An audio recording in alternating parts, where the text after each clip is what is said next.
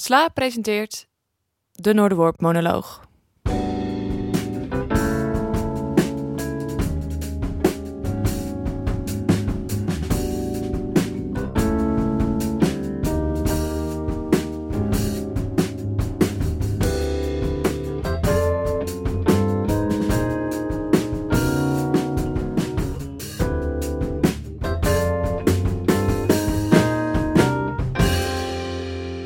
Dag luisteraar. Je staat op het punt te luisteren naar de Noorderwoord-monoloog.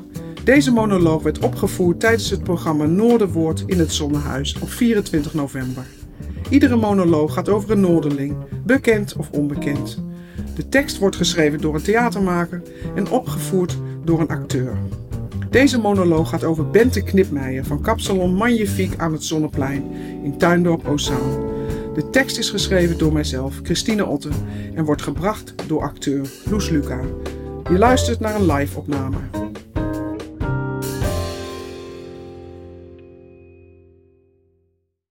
Je zal wel denken, daar staat ze weer, zei van uh, Kapsalon Magnifiek. Hier schuin tegenover op het plein. Een paar jaar terug was ik hier ook. Ik werd gevraagd door de organisatie vanwege het jubileum. Ik dring me eigenlijk niet op, hè. Maar ik dacht wel meteen, ik heb best nog wel het een en ander te vertellen. Want de salon, dat is een soort uitkijkpost. Als kapper ben je eigenlijk ook psycholoog, een sociaal werker. Alles krijg je mee, joh. Echt scheidingen, kinderen die zich zorgen maken omdat papa op de bank slaapt en niet bij mama in bed.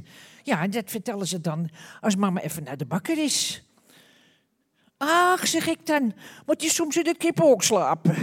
Dan schiet zo'n meisje meteen in de lach. We hebben geen kippenhok. Is meteen de spanning weg en dan stel je dat kind gerust. 33 jaar zit ik hier nu, waarvan 30 is eigen baas. Ik heb, ik weet niet hoeveel crisissen hier in Tuindorp overleefd. En nog ben ik er. Ja, dat, emotioneert me eigenlijk best wel een beetje. Dat ik hier nou zo sta. Ik zal je wat vertellen. Mijn opa, die werkte op de NDSM-werf. De hoofdcommandeur van de lasafdeling. Toen de Duitsers kwamen in de oorlog, hebben ze onder mijn opa's leiding de machines onklaar gemaakt en de losse onderdelen hier onder dit toneel verstopt, zodat de moffen niks konden beginnen. Dat vond de toenmalige directeur van het Zonnehuis helemaal goed. Het is nooit ontdekt. Nog geen week na de bevrijding draaiden de machines op de NDSM weer op volle toeren. Ja, onder dit podium, hè? Ja, zo ging dat. De vader van mijn moeder was dat. Hij en mijn oma hadden onderduikers op de vliering. Ze zaten trouwens allemaal in het verzet hoor. Ook van vaders kant. Oh, daar kan ik boeken over vertellen. De vader van mijn vader was twee meter en dat schoenmaat 48. Ja, daar moest je geen ruzie mee krijgen. Die hoorde je vier straten verderop. Die was rooier dan rood chef bij de coöperatie op het dorp hier in de oorlog. Maar omdat hij zulke politieke uitgesproken meningen had, werd hij ontslagen.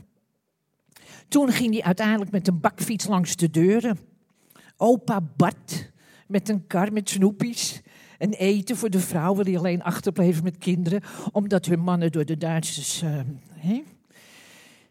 Ja, maar goed. Het gaat ook over nu, hè? Waar zal ik eens beginnen? Uh, ja. Laatst lopen de twee van die jonge moeders langs mijn zaak. Peuter op de heup, koffie van die White Label. Die dure koffietent hier tegenover, in de andere hand. Het waren juppen, zeg maar, hè. Ik zit net met rekken met tweedehands kleding buiten. Stap ik weer naar binnen. Hoorde ik die ene vrouw tegen die andere zeggen... Wat een rotzooi. Nou, dat doet pijn ik verkoop geen rotzooi. Maar ik vraag me wel af, ken ik hier iets mee? In het positieve dan natuurlijk, hè? dat het wat drukker wordt in de salon. Dat die, zeg maar, die doorgestudeerde groep zich hier ook thuis gaat voelen. Ja, ik heb ze wel in de stoel hoor, soms, die hoog gestudeerd zijn, maar toch menselijk, met humor. Komt zelden voor, maar het gebeurt. Kijk, van oudsher is dit een arbeidersbuurt en bleven families hier wonen. Kinderen, kleinkinderen. Bij die hoogopgeleide, zeg maar, is het eh, van zij komt uit Friesland en hij uit Brabant en dat nestelt zich dan hier. Ja, dat praat toch Amsterdamse dan Amsterdams. Opa's en oma's ver weg, dat is een heel ander verhaal. Maar de kinderen van Tuindorpers nu, die kennen hier geen eens meer wonen.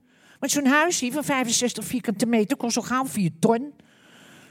Die echte Amsterdammers, die, die, die, die mensen, mensen, die, de ketsen op de taart. Zo'n zo, zo, zo, zo, zo, tante Jopie, tante Corrie, tante Ria. Ja, die zijn er niet meer. Die kwamen alleen zitten, eventjes een koffie drinken. En één keer in de week was ze watergolven. En als ik me omdraaide, hadden ze al geveegd en afgewassen, bij wijze van spreken. Dat, dat waren een soort van mijn oma's. je moet je voorstellen, ik werkte met drie, vier man personeel, inclusief mijn moeder. Oh, die kon ook goed luisteren. Die was sociaal. Oh. Vijf jaar terug is ze overleden. De longen. Rookte een slof Marlboro in de week, plus nog twee pakjes extra. Dan ging ze bijvoorbeeld naar de wc in de salon en stak ze een nieuwe peuk op. Terwijl er bij de spiegel nog eentje lag te smeulen en in de keuken ook nog één. Ja, daar kon ze niks aan doen. Een Marlboro schijnt erg verslavend te zijn. Ze stopte er iets in, zodat je niet kan stoppen. Ja, goed, oké. We draaiden twee, drie koopavonden in de week. Het was druk. Eén keer in de maand reed ik naar Antwerpen om goud te kopen. Dat lag dan in de vitrine, in de salon. Van die, van die brede koningskettingen, armbanden, dingen. Band met ingelegde steentjes. Oh, er was heel veel zwart geld. Ja, er waren stukken doors, loodgieters, timmermannen. De vrouwen werkten in de thuiszorg of als cashier bij de Albert Heijn. Dat was allemaal niet zo hoog geschoold, maar wel met heel veel humor. Gezellig. Oh. Het had ook wel zijn keerzijde. Komt er eens een ander soort klant, hè? Dan, zag je, dan zag je tante Jopie en tante Corrie en tante Ria denken... Oh, kijk nou, die ziet er ook niet uit met haar afgezakte broek en de gatenwolle sokken. Ja, dan voelde die andere klant, zo'n vrouw, ze eigen opgelaten. Ze namen haar van top tot teen op. En ik moest maar afwachten of ze dan terugkwam in de salon. Ik zeg, hé, hey, hey, dat gaan we hier dus niet meer hebben? Want die discriminatie, oh nee, ik niks van hebben. Ik had een, uh, ik had een Turkse kapster aan het werk. Sekful. Sefgul. Nou, die hoefde ik niks te vertellen hoor. Ik heb nooit meer zo'n goede kapster gehad. Ze droeg geen hoofddoek. En je hoorde ook helemaal niet aan haar dat ze Turks was. Ze is in Nederland geboren. Maar er zaten die wijven zaten aan tafel te oreren. Ja, ja, en die kaleren Turken krijgen de woningen en mijn kinderen staan al zo lang op de wachtlijst. Terwijl Sefgul aan het knippen was. Ik zeg tegen Sefgul, ik zeg, dat hoef je echt niet te pikken hoor. Daar mag jij best op een subtiele manier wat van zeggen. Dat jij bij, van Turkse afkomst bent en bij je schoonouders inwoont met je man en wacht op een woning. Ja, ik heb er zelf ook wat van gezegd. Wij accepteren hier geen discriminatie in mijn salon. Mijn grootouders hebben in de oorlog gevochten tegen discriminatie. Oh ja, maar zo bedoelde ik het ook helemaal niet. Wat het dan? Ah ja. Ja, ja. Wat dan? Ik wou helemaal geen kapper worden. Mijn zus ook niet. En toch zijn we het allebei geworden. Het zit in ons bloed. Mijn moeder, mijn neef, mijn vader, van, van opa's kant. We zijn allemaal kapper. Ik ben wel uh, goed in mijn vak. Ik vind het nog steeds leuk. De gesprekken, om het er lekker uit te peuteren bij iemand. Vanochtend nog. Een, jonge vent uit ergens uit uh, Afrika, weet ik veel, is hier gekomen voor de liefde. Doet binnenkort mee aan The Voice. Doet het hartstikke goed. En toch hebt hij heimwee. Al zijn familie zit daar. Uh, in uh, Cuba. Cuba, ja, daar komt hij vandaan, Cuba. Het is een superleuke gozer. Die geeft me gewoon een box en een huk. Ja, we zijn eigenlijk um, best filosofisch aangelegd hier. Afijn. Je denkt, je denkt, ik heb wat opgebouwd, maar dat is niet zo. Want gisteren kwam ik in de salon, heb ik alleen maar schoongemaakt. Ja, daar kom ik natuurlijk niet voor. Ik heb dagen dat ik maar twee klanten heb, dan denk ik, nou schiet mij maar af. Mijn vriendin Henny die zegt dat het door het plein komt dat er zo weinig reuring is. Maar het komt ook door die geitenbreiers. Die nieuwelingen, die juppen, die lopen erbij in afgedragen kleding. Haren niet gekamd of ze knippen het zelf. Ja, dat vinden ze een heel groen statement. Ja, maar wel drie keer per jaar vliegen naar Bali. Of, uh, of voor het werk even lekker vliegen. Ja hoor. En dan zeggen ze, support your locals. Ja, dag, hallo. Nou ja, goed. Ik, ik wil niet negatief doen. Ik denk dat die nieuwelingen meer hun best doen om met de oude bewoners samen te leven dan andersom. Want verderop, hier, hebben ze met z'n allen een buurtuin aangelegd. En je hebt tegenwoordig ook niet meer die groepjes hangjongeren die hier voor de deur drugs verkopen en overal uh, overvallen staan te organiseren. Nee, bij die juppen zitten die kinderen op clubjes, op muziek, op hockey. Oh ja, oké, hockey. Maar ze doen wat. De ouders gaan mee, hè, dat ze lekker van de straat gehouden worden. Trouwens, ik ben ook mantelzorger. Ja, ik wil mijn vader een zo goed mogelijke oude dag bezorgen. Dat vind ik heel belangrijk. Daar haal ik heel veel voldoening uit. Ik heb een gedicht meegenomen om voor te lezen. Want mijn opa, die, die van de NDSM, die schreef het toen Tuindorp 40 jaar bestond. Nou, ben je klaar voor? Ja, daar komt hij. Reeds 40 jaren ligt het daar, benoorden aan het ei. Tuindorp Oostzaan, een vredig oord. Een dorp van u en mij. Zijn huisjes lijken poppig klein. De tuinen zijn zo fris. De dorpse sfeer bleef voortbestaan, schoon het deel van Mokum is. Ons dorp weerstond oorlogsramp, doorleefde barbarij. Steeds eensgezind en onvermoeid tegen Duitse heerschappij zijn volk bedreigd door watersnood, schiep zich een noeste dijk.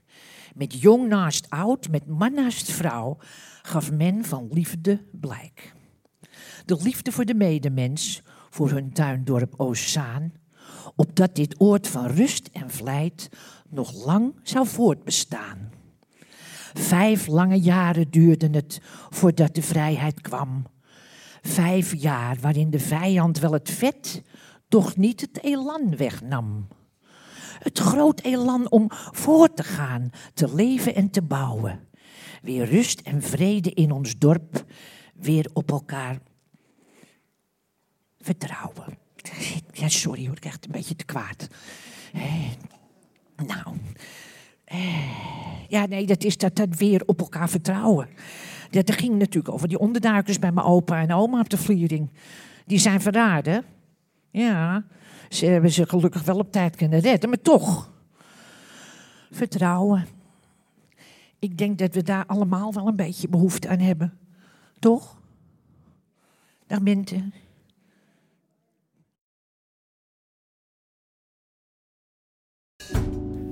Je luisterde naar de Noorderwoord-monoloog over Bente Knipmeijer. De monoloog is opgevoerd door Loes Luca. Loes Luca is actrice, comedienne en zangeres. Bekend van producties als Het schaap met de vijf poten en Ja zuster, nee zuster. De monoloog is geschreven door mij, Christine Otten. Ik schrijf romans, essays en voor theater. De muziek is gemaakt door de huisband van Noorderwoord, Trio Lampen. Benieuwd naar meer audio van de Sla? Abonneer je op het kanaal Slaakast, te vinden in je favoriete podcast-app.